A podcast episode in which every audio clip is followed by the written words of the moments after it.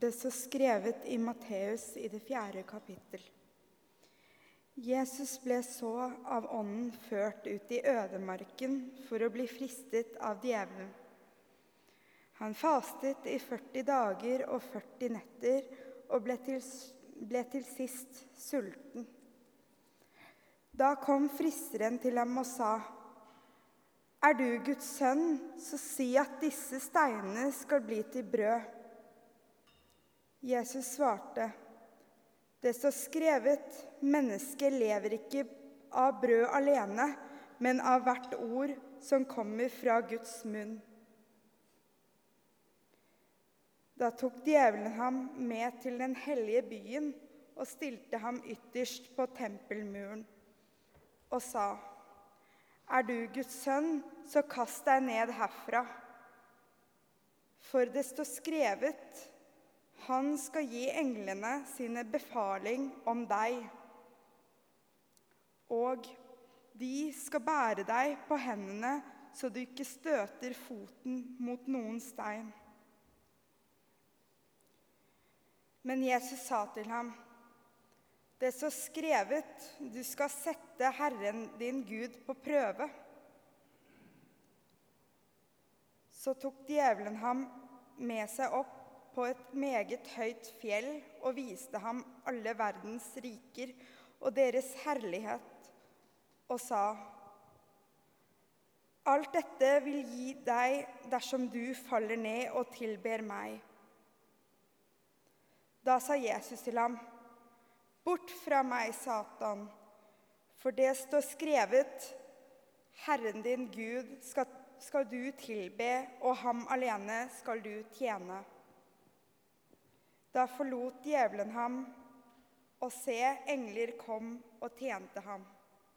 Slik lyder det hellige evangelium. Alle søndager i kirkeåret skal snakkes over. Og Når vi kommer til en dag som denne, så er det plutselig noen tøffe valg. Ja, Hva skal jeg velge å snakke om? Og så er det sånn at Noen utfordringer må vi rett og slett bare av og til ta, selv om vi ikke liker dem. For hva tenker du når du hører ordet 'djevelen' og 'Satan'? Begynner du å juble og bli kjempeglad og tenker 'yes'? Nei, ingen av oss gjør gjerne det. Men kanskje av den gode grunn er det ekstra viktig å snakke om. For det er ulike meninger om Satan og djevel. Noen tenker at Satan det er bare en litterær figur, et mytisk vesen. Andre tenker nei, nei, nei. Nei og nei. Du kan ikke ta bort tanken om en djevel. Du kan ikke ta bort Satan. For tanken om en ond makt det er det Skriftene forutsetter. De forutsetter det som kalles en dualisme, en dobbelthet. At det er både godt og vondt, lys og mørke. Teologer blir ikke enige helt med seg sjøl. Hva skal dette bety? Men kanskje nettopp derfor må vi snakke litt om det òg. Tidligere biskop Lønning i Bergen er det ingen av dere som husker. Men han var en stor figur, og han har skrevet mye dogmatikk, altså troslære. Det han sier, er Han påpeker paradokset. Bibelsk gudstro utelukker en ond makt forut for skapelsen. Og den utelukker at Gud kan ha en ond vilje. En vilje som er i trass med sin egen. Utgangspunktet er Gud er per definisjon god. Gud er lys, i Han finnes det ikke mørke, står det i 1. Johannes brev. Alt Gud skapte, står det, er godt, ikke ondt. Og paradokset er likevel at ondskap er her. I seinjødisk tradisjon så prøver man å finne et slags svar. Man tar utgangspunkt i Isaiah kapittel 14, som handler om Babylonakongen. Og Så tenker man kan dette være egentlig noe som er skrevet om djevelen. Når man har den latinske oversettelsen, så er det 'morgengryets stjerne' blir oversatt med Lucifer. Og Lucifer-navnet har dere gjerne hørt, og jeg tenker ikke på TV-serien. Bare så det er sagt. Det ses på et bilde av Satan som gjør opprør og forsøker å overta herreveldet over alt, men mislykkes. Og han styrtes ned i dødsriket Sheol. Det var du som sa i ditt hjerte, til himmelen vil jeg stige opp. Høyere enn Guds stjerne reiser jeg min trone. Jeg tar plass der guder samles på fjellet i nord. Jeg vil stige opp på haugen av skyer og gjøre meg lik den høyeste. Men til dødsriket er du støtt ned, lengst i den dypeste hulen. Og så begynner det med Du falt fra himmelen, du morgenstjerne, morgenrødens sønn. Du er slengt til jorden, du som seiret over folkeslag. Og Derfor har vi altså tanken om Lucifer. Sånn kom den på banen, men den gir ikke noen fullgod forklaring. Bibelen gir faktisk ikke noe god forklaring på hvor Satan kommer fra. Og det onde blir ekstra ondt når vi ikke finner svar. For det er jo da veldig lett å skylde på Gud. Det må være Guds feil. Det er det enkleste. Men det betyr ikke at det er det riktigste. Mørket ønsker jo aldri å bli kjent i form av det onde. Hvis ingen tror på mørket, så har det fritt spillerom. Det er nok ikke uten grunn man snakker om lys og mørke, for i lyset kommer alt frem, og mørket må vike. Men La oss se litt på hva vet vi faktisk. Ordet Satan kan ha flere betydninger, men den vanligste er å tenke motstander eller en anklager. og Det går litt på funksjon. Diabolos, gresk, det betyr en bakvasker eller en som sår splid mellom folk. Det er liksom funksjonen. I Gamle testamentet har egentlig Satan veldig liten plass. Det er først i Nytestamentet det begynner å ta av. Men vi møter det første sted, slangen i paradis. Slangen som symbolet på det onde. Og Da har vi jo sett for oss denne teksten alle sammen, har vi ikke det? Der slangen kommer med Tenkte alle skulle være et eple. det står ikke hvilken frukt det er, det står bare en frukt. Det er fordi epler er vanlig i vår sammenheng at det er det. Men hva om det var en banan? Det kan det jo ha vært. Poenget er at det er en frukt. Og denne frukten, hvis de spiste den, skulle de kjenne Gud. og De skulle kjenne godt, og de skulle kjenne ondt. Og Her har vi noen kjennetegn på den onde allerede. Forførerisk. For det forbudte til å bli veldig, veldig appetittlig. Og det andre er unnlatelsessynd. Djevelen har syndet fra starten av, står det. For han unnlater selvfølgelig å fortelle hva er konsekvensen av å spise. Å bli som Gud, det er grunnsynden vi lokkes til. Men vel så mye handler det om at mennesket fristes til å løpe bort fra det det er, nemlig et menneske. Å løpe bort fra seg selv er kanskje det jeg har mest lyst til å holde fast på i våre dager. Lokker og lurer frister og byr på. Og så er vi i trøbbel. Frister, forfører, lokker og lurer. Første kjennetegn. Unnlater å fortelle konsekvensene, nemlig at det er bare Gud som kan kjenne godt og vondt uten å bli påvirket av det onde, og at det overtar plass i livet vårt. Ops, glemte å si det. Unnlatelsessynd nummer én. Så får vi også i krønikebøkene. Der lokker han David til å holde en folketelling som mot Guds vilje. Og så kommer vi til en virkelig merkelig tekst i Jobb. Blant Guds sønner var også Satan. Ingen mer forklaring enn det. Noen tenker at gudesønner er de som ble skylt vekk ved Noas ark når mennesker har blitt onde, og at de har overlevd og Seinere er det utgangspunktet for demoner. Vi vet ikke. Men sånn tenker noen. Men Her står han så frem som en av Guds sønner. Og så står han frem som anklageren, som får tillatelse. Og det er også veldig problematisk. Får tillatelse fra Gud til å teste jobb. Ved å ta fra han alt han har, for å se om det får jobb til å spotte Gud. Anklageren er den andre store. Han anklager også Josva, seinere i Zakaria. Men vi får ikke høre hva anklagen går ut på. Han bare står der som en anklager. Han blir da Guds tjener, men med negativt fortegn. Avsløreren og påtalemyndigheten som skal bringe menneskers svik og svakhet frem for Gud. Det er en litt annen rolle enn vi tenker på det. I Nytestamentet så blir bildet litt større. Der blir Satan stående som motstykke til Gud, til alt som er godt. Motstykke til Gud, til moralen, til den rette tro, det blir det som blir bildet. Han står for ulike former for fristelser. Og Samtidig så trer han inn i denne tjenerrollen igjen. For Legg merke til dagens tekst, og det syns vi er veldig rart. Du skal ikke sette Herren din Gud på prøve. Og så fører Ånden seg selv som Gud ut i ørkenen for å bli satt på prøve. Det er et veldig rar greie. Da fremtrer også Satan som den uvillige og motvillige Guds tjener som setter Jesus på prøve. For hvem var som brakte Jesus ut i ørkenen? Det var Den hellige ånd. Og tilfeldigvis der sto Satan klar til å anklage, eller til å prøve eller til å friste.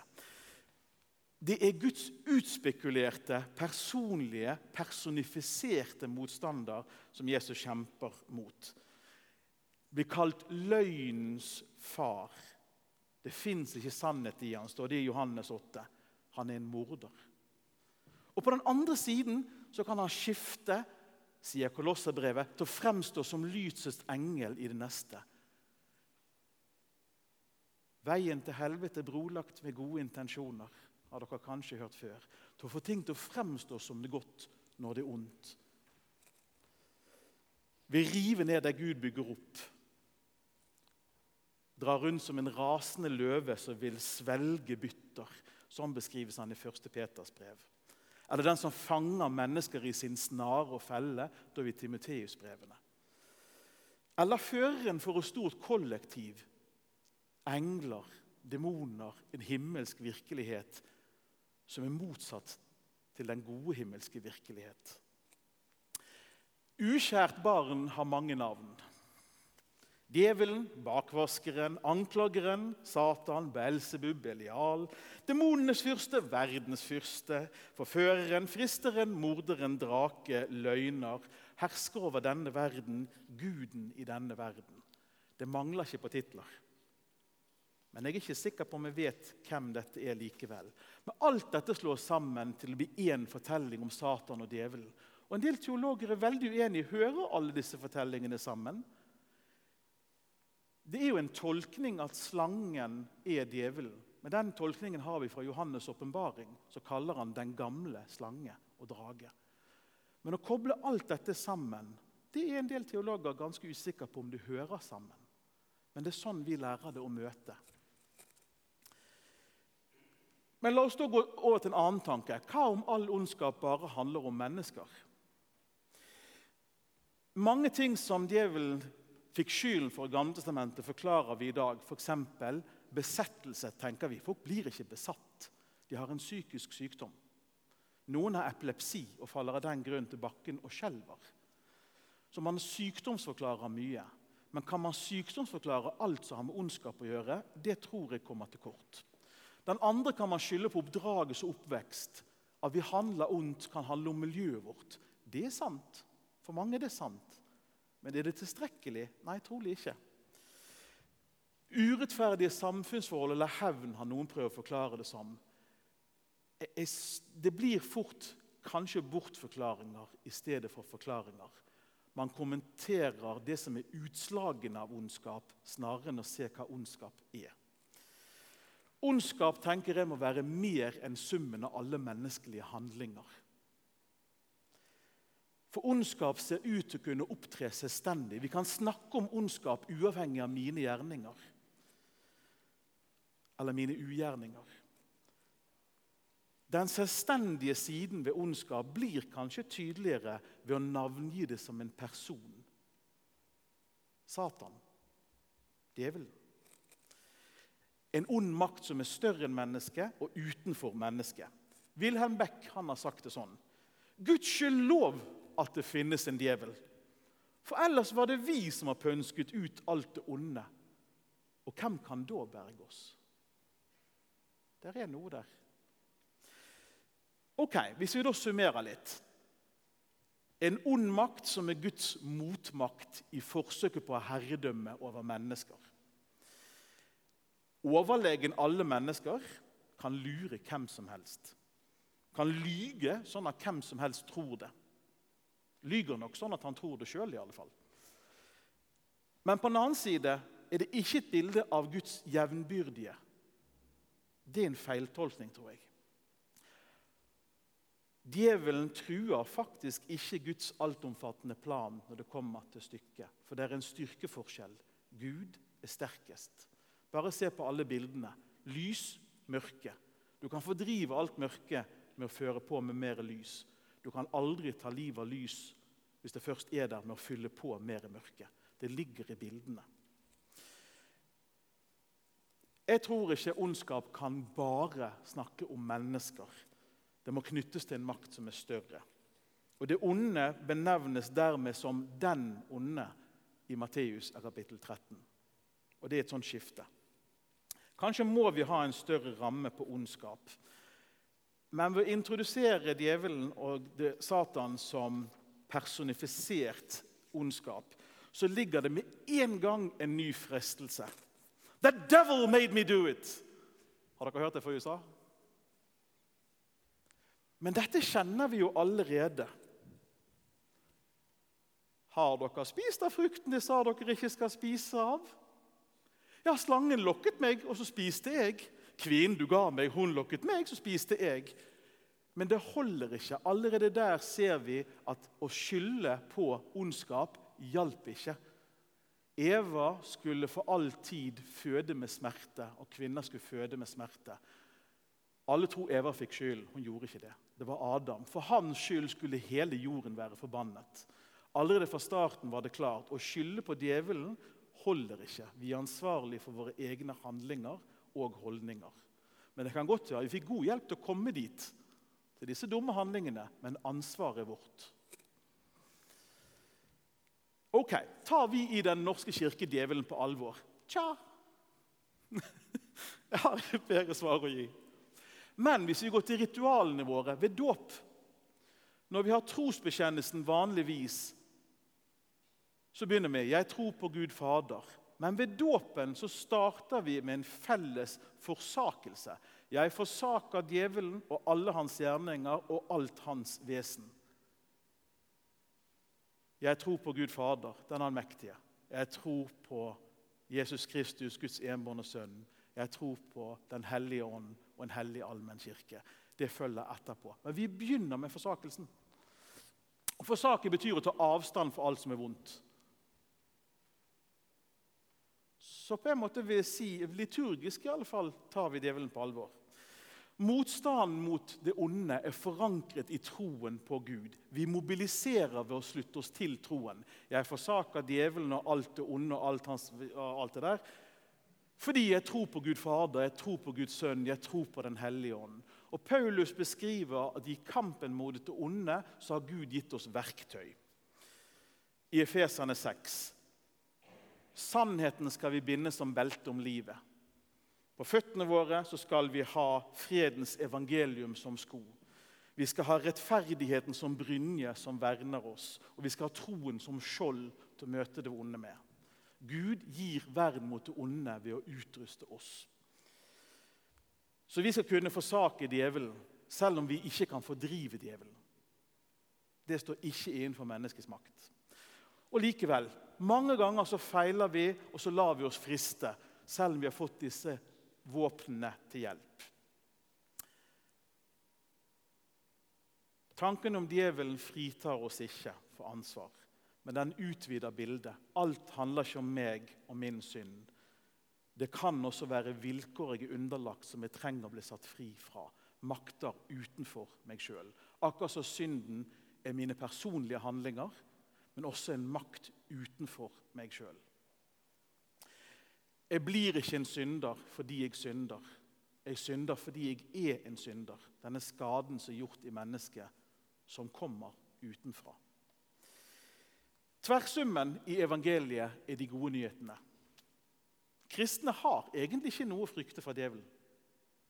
Det må vi holde veldig klart fast på. I Johannes' åpenbaring blir det veldig tydelig at Satan er underordnet Gud.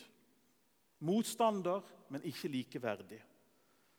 Og Dagens tekst viser jo at med å lokke og lure så klarer han ikke å ta Jesus bort fra sin menneskelighet. Klarer ikke å lokke Jesus bort fra oppdraget om å være Messias, Guds lidende tjener. Troen er forbeholdt Gud. Gud er den sterke. Vi tror ikke på djevelen på den måten vi tror på Gud. Vi tar avstand fra djevelen. Vi forsaker. Det er noe helt annet.